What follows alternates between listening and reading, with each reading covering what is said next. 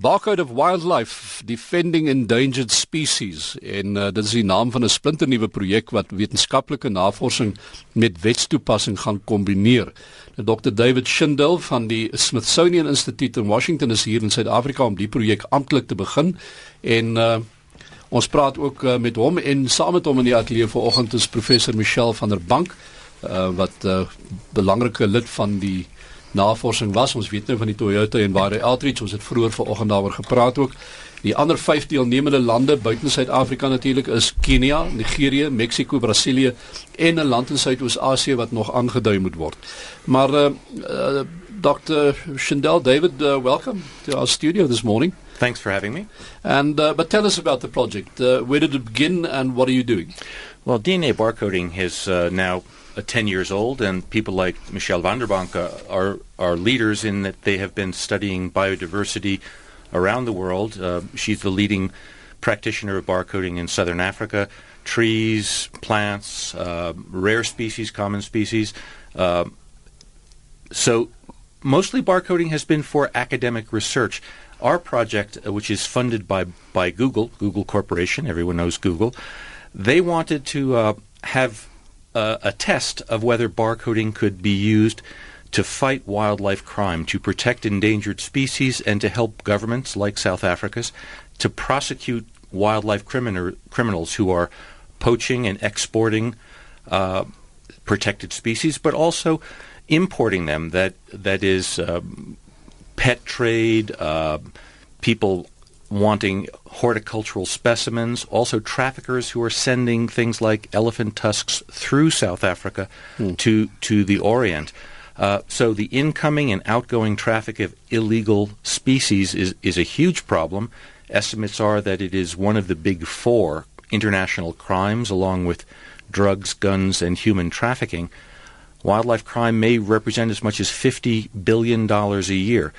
And it's the police, prosecutors, courtrooms where prosecution takes place, and we we believe that DNA barcode evidence is going to be a critical line of evidence they use in fighting these criminals.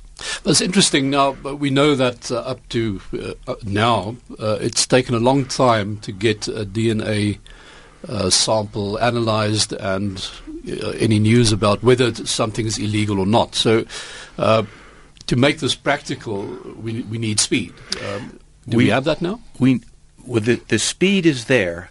It's putting the people together and the organizations together. So uh, when the academicians in universities do barcoding, as as Dr. van der Bank has done, uh, it's done with the intent of publishing papers, and it's it's not an emergency, and and they collect a lot of specimens, and they need to sort them taxonomically, study them carefully, because they are looking they're asking a different question. They're saying, I found this thing, what could it be?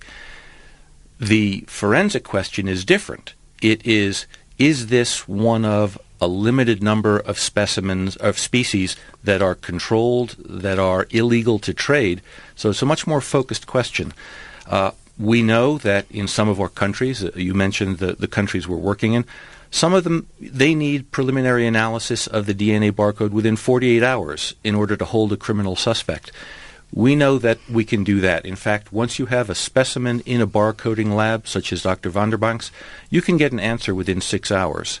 It's getting the chain of organizations ready saying, when we collect evidence, we're going to send it to you. We need an answer from you the next day. I'm sure we can do that hmm. The type of technology we're looking at here, what's the possibility, for instance, that you could eventually outfit each and every border post, for instance, with the technology so that somebody can actually sit there and uh, within minutes? I think the, the mm. I think the question is why aren't we doing that? Because mm. if you if you go back 30 years when the use of DNA evidence for human crime was just beginning, they faced the real problem of where are we going to get these samples processed. Now, in, in many countries, in the United States, for example, there are DNA sequencing labs in almost every police station or in every police district. So you don't have to drive more than 20 miles in a, in a city uh, on the East Coast and get to a place where a human DNA sample can be sequenced. For major airports like Johannesburg, for your seaports, uh, for major points of entry and exit into the country, I would ask the question in 5 years why do, why wouldn't you have labs in each of those? Good question that uh, Michelle van der Bank sit ook hier by ons vanoggend in die ateljee en uh, uh, Michelle jy het nou net teruggekom van die outreach ek kan sien jy is nog bruin gebrand en daar's nog 'n vonkel in die oog. So uh, vinnige vraag net om van die, mm. die tegnologie oor te stap na die 'n breër aan aan mm. uh, um, aanwending van hierdie tipe tegnologie.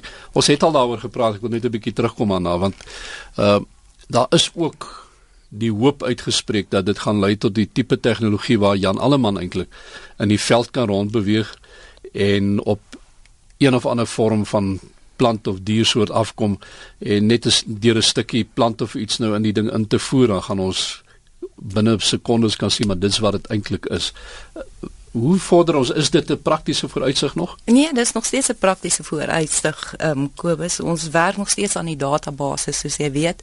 So ja, dit gaan nog gebeur in die volgende paar jaar. So soos David nou verduidelik het elke ehm um, douane uh, beampte moet in staat wees om dit te kan doen. So in plaas om 'n sequencer daar te hê, hoop ons in die volgende paar jaar gaan ons nou hierdie klein apparaatjie daai.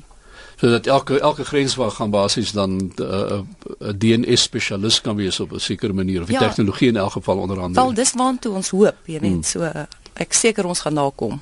Die uh, en waar die outreach self ons het nou vroeër vanoggend nou al klaar weer 'n bietjie daaroor gepraat, so ons hoef nie lank daaroor te praat nie, maar net jou indrukke van hierdie jaar se uh, Ja.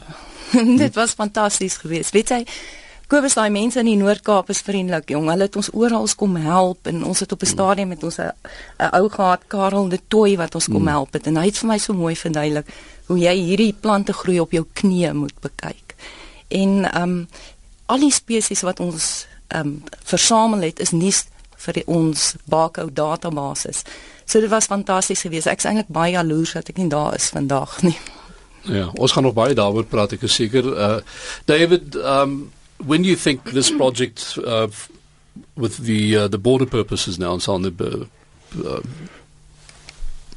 forensics purposes, when when do you think we're going to see results? Uh, by the end of 2014. And I know that because the Google as a philanthropic organization is, is really a new generation. Um, five, ten years ago, a typical corporation would give money to a good cause, and that would pre- be pretty much the end of the story. Uh, and they would hope that the, the recipient just does good things. Google and, and other corporate foundations are taking a different approach. The program that gave us the money is called the Google Impact Awards, and each of the projects they fund have very specific targeted impacts. We have timelines, we have deliverables.